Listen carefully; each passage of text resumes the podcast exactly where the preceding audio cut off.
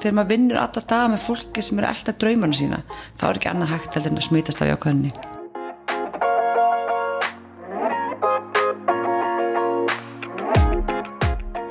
Ég heiti Alma Dóra og þú ert að hlusta á hlaðarpið Konur í nýsköpun. Styrtaræðala hlaðarpsins eru Origo og Framvís samtök vísisfjárfesta á Íslandi. Kristín Sofía Jónsdóttir er framkvæmtastjóri KLAG sem styður við frumkvöla og nýsköpunafyrirtæki á Íslandi með ýmsum hröðlum, prógrömmum, viðburðum og fleiru. Kristín sagði mér frá sinni vegferð úr pólitík yfir í nýsköpun, stemmingunni hjá KLAG mikilvægi inngildingar í nýsköpunaheiminum og deildi einni frábærum ráðum fyrir frumkvæla. Þetta er þátturinn Það er alltaf pláss fyrir þig í nýsköpunasennunni með Kristínu Sofju.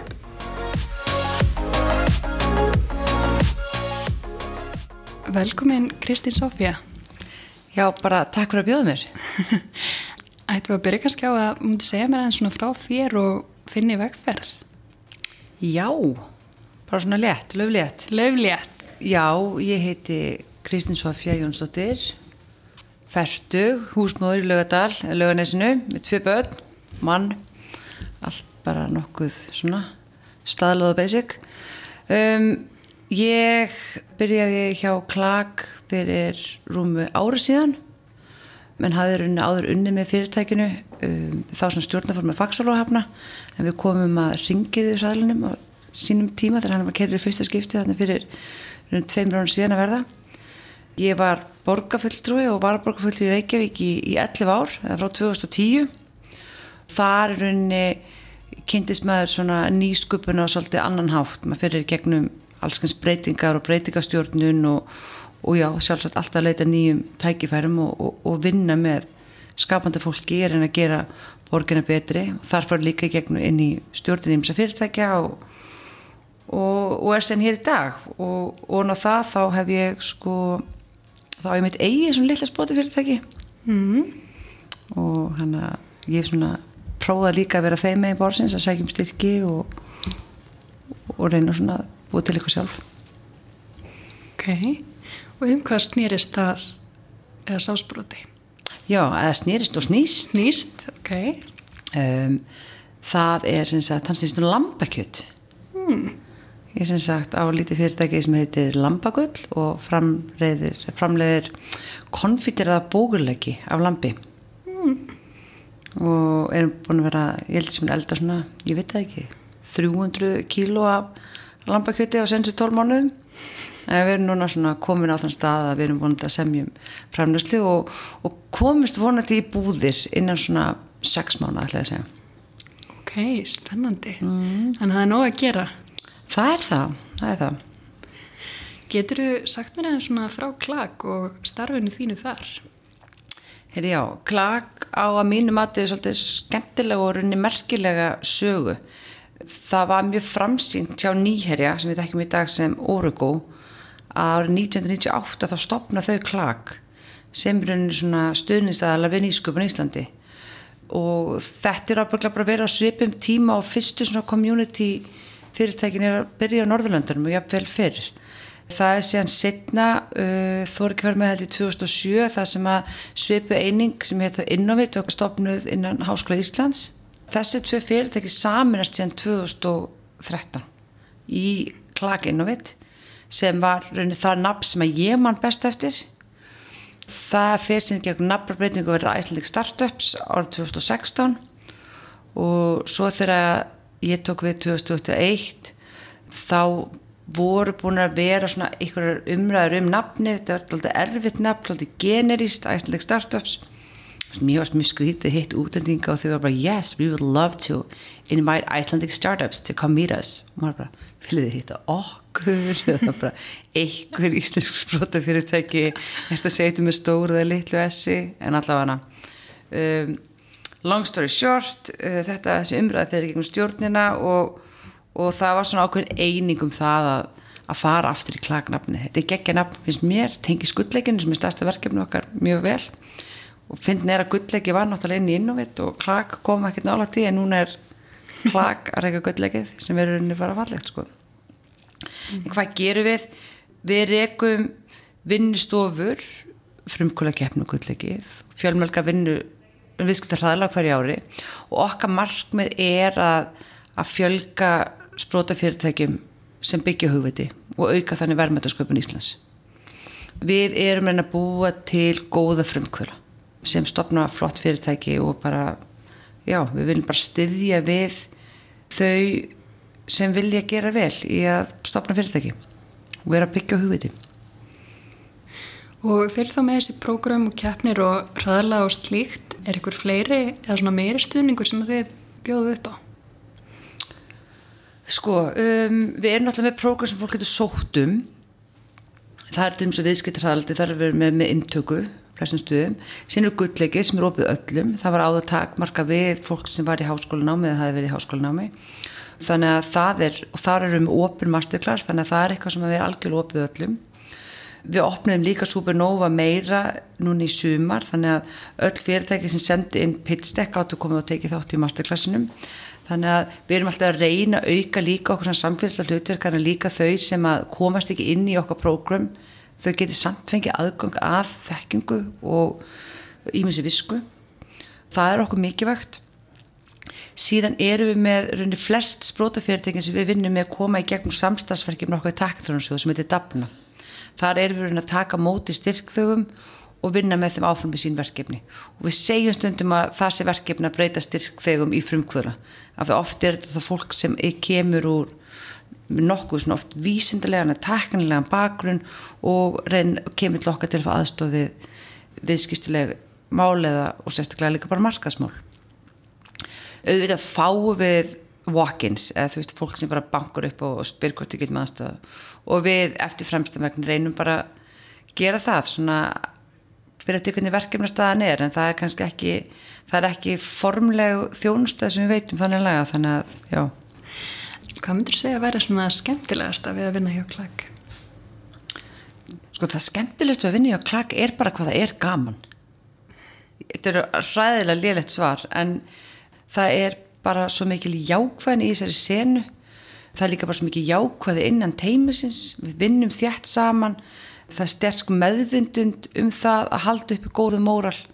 Það er engin betri en einn annað, það er engin að reyna að hýfa svo upp á einum öðrum við styðjum hvort annað, við hlæjum saman.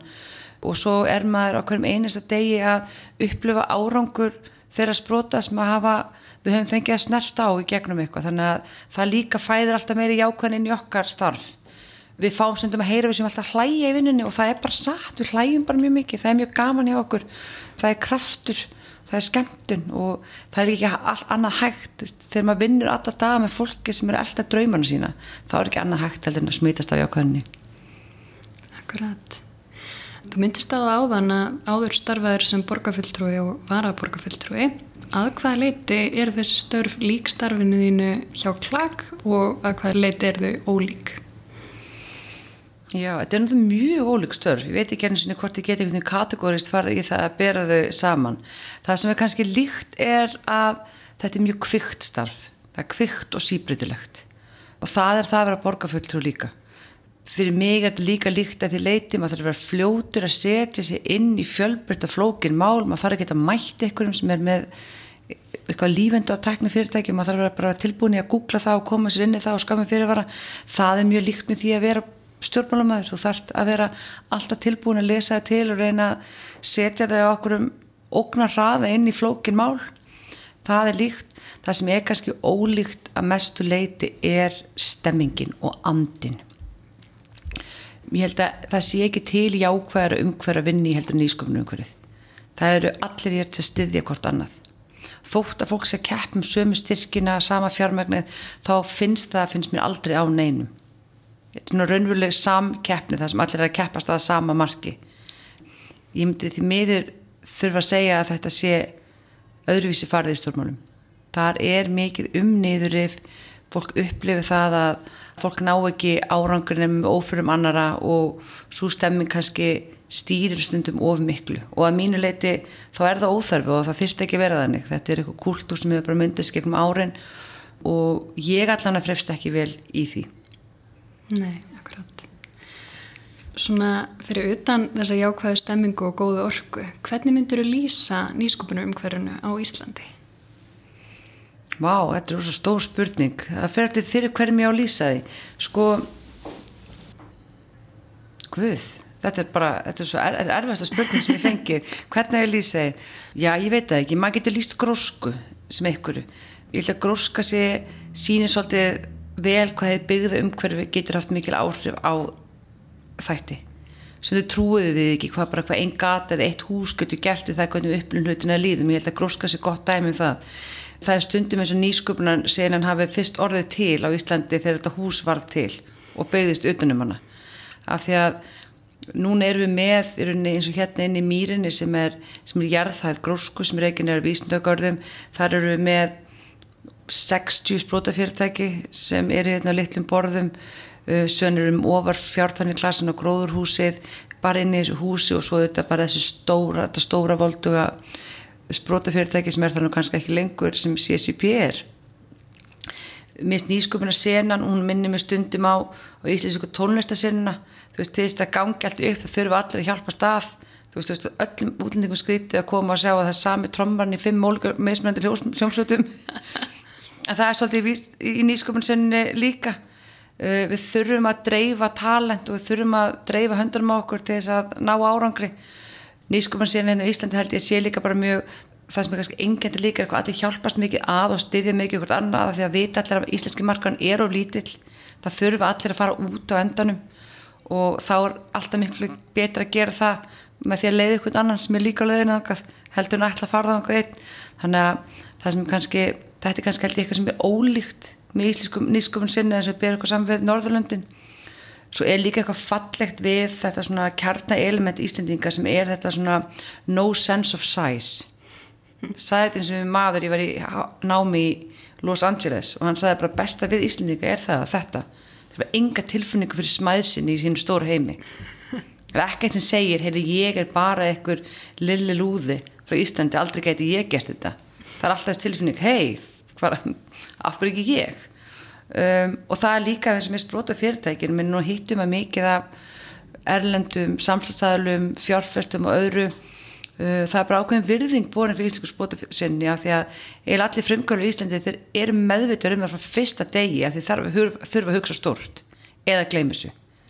Þá alltaf, það er aldrei hægt þú getur ekki verið frumkvöld með heimóttarhugsun þú getur ekki alltaf að græja þetta á Íslandi. Þú þarft svolítið að vera tilbúin að, að hugsa stort og feista degi og það kannski jú, alltaf það sé kannski eitthvað svona að maður skor identity í íslensku senunar með að senu erlendis við þá svona kannski er það eitthvað. Það sem enginn er þetta líka finnst mér og kemur mörgum óvart og kannski ekkert skríti að þetta er nýtt en það er eitthvað sem mikill stuðningur er við nýsköpun í Íslandi hvort sem er í handleyslu, mentora, frumkvölaði sérfræðinga, um, prógrama eins og viðregum eða, eða norðanátt, svona entity eins og Eimur, Blámi, Orkidea uh, og ég er ábygglega að gleyma ykkur um Blábankin, Icelandic Innovation Week, öll þessi svona stuðningsfyrirtæki og félög og svo er þetta bara hvað sem vil peningur, peningur útlut álega í, í styrkjaformi þannig að það er kannski líka eitt. Þetta er þá enginn þurfa að hrættur við það að vera frumkvöld í dag. Senan heldur svolítið við lutunum frumkvöld að mínum að því En við hugsaum svona aðeins fram á við hvaða veist, breytingar eða bætingar til þú að gætu átt sér staði að vera áhugavert að sjá á næstu árum í nýskupinu á Íslandi? Sko ég held að veri mjög mikið vakt að sjá fjölbreyttra fjármögnunum umhverfi Við erum náttúrulega með nokkra vísisjóði sem kom upp á svipum tíma og það er gott aðgengja fjármagni fyrir ákveðna tegund nýsköpunar. En þá ekki við um alla.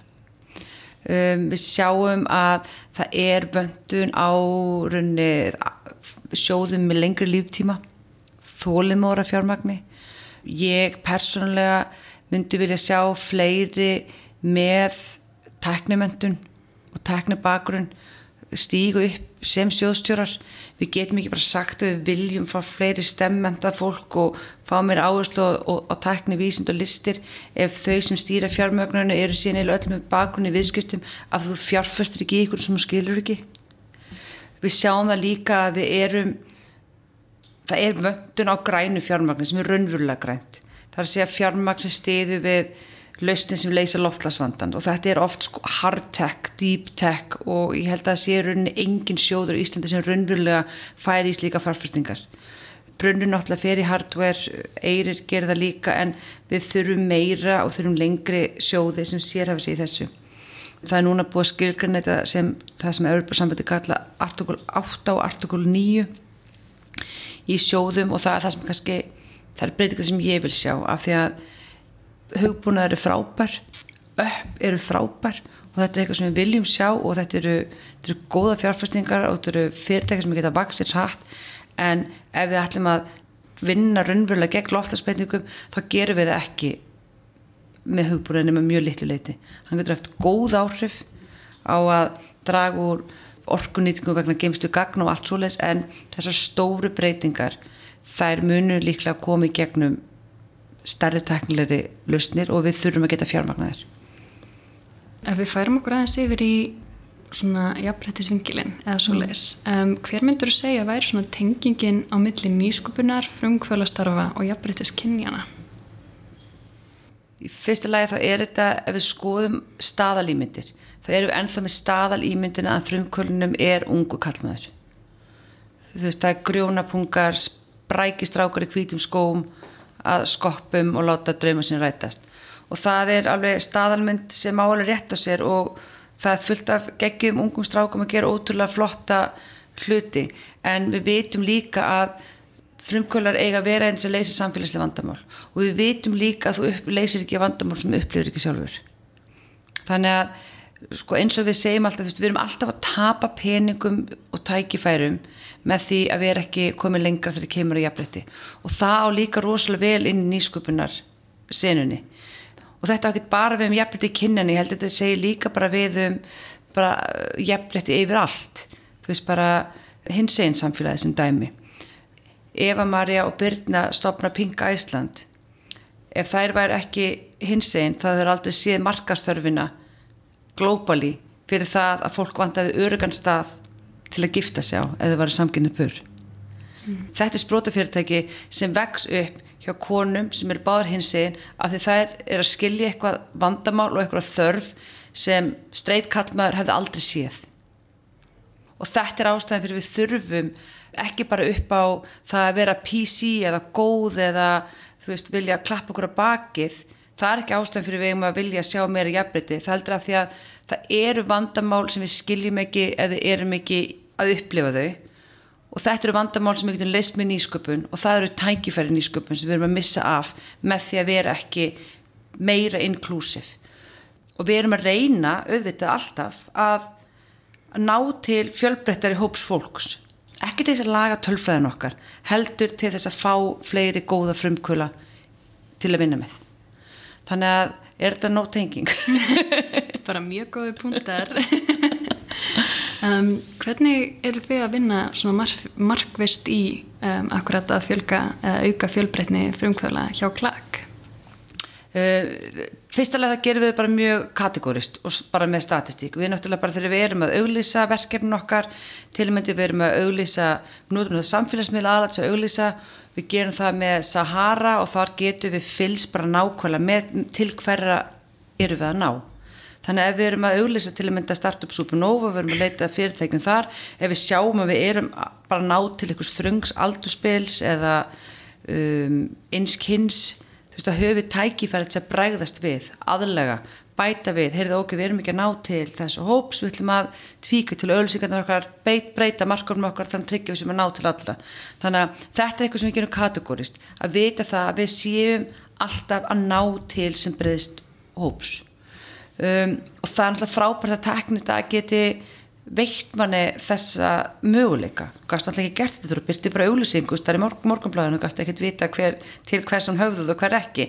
En núna getum við séð hver ít á þetta hver fara alla leið. Og við getum líka séð eftir hvernig umsóknunum er að fara inn okay, og hverju skilir það okkur inn í umsóknunar ef okkur minnst að halla á eitt kyn eða, eða eitthvað svona samfélagst hóp sem við náböðum til þá höfum við alltaf tækifæri í gegnum target eða marketing að reyna að ná til þeirra áðurnu umsóknarfrestun líkur síðan gerist það stundum að við erum ennþá ónæð og bara umsönfrestunum er að ljúka eða er lokið.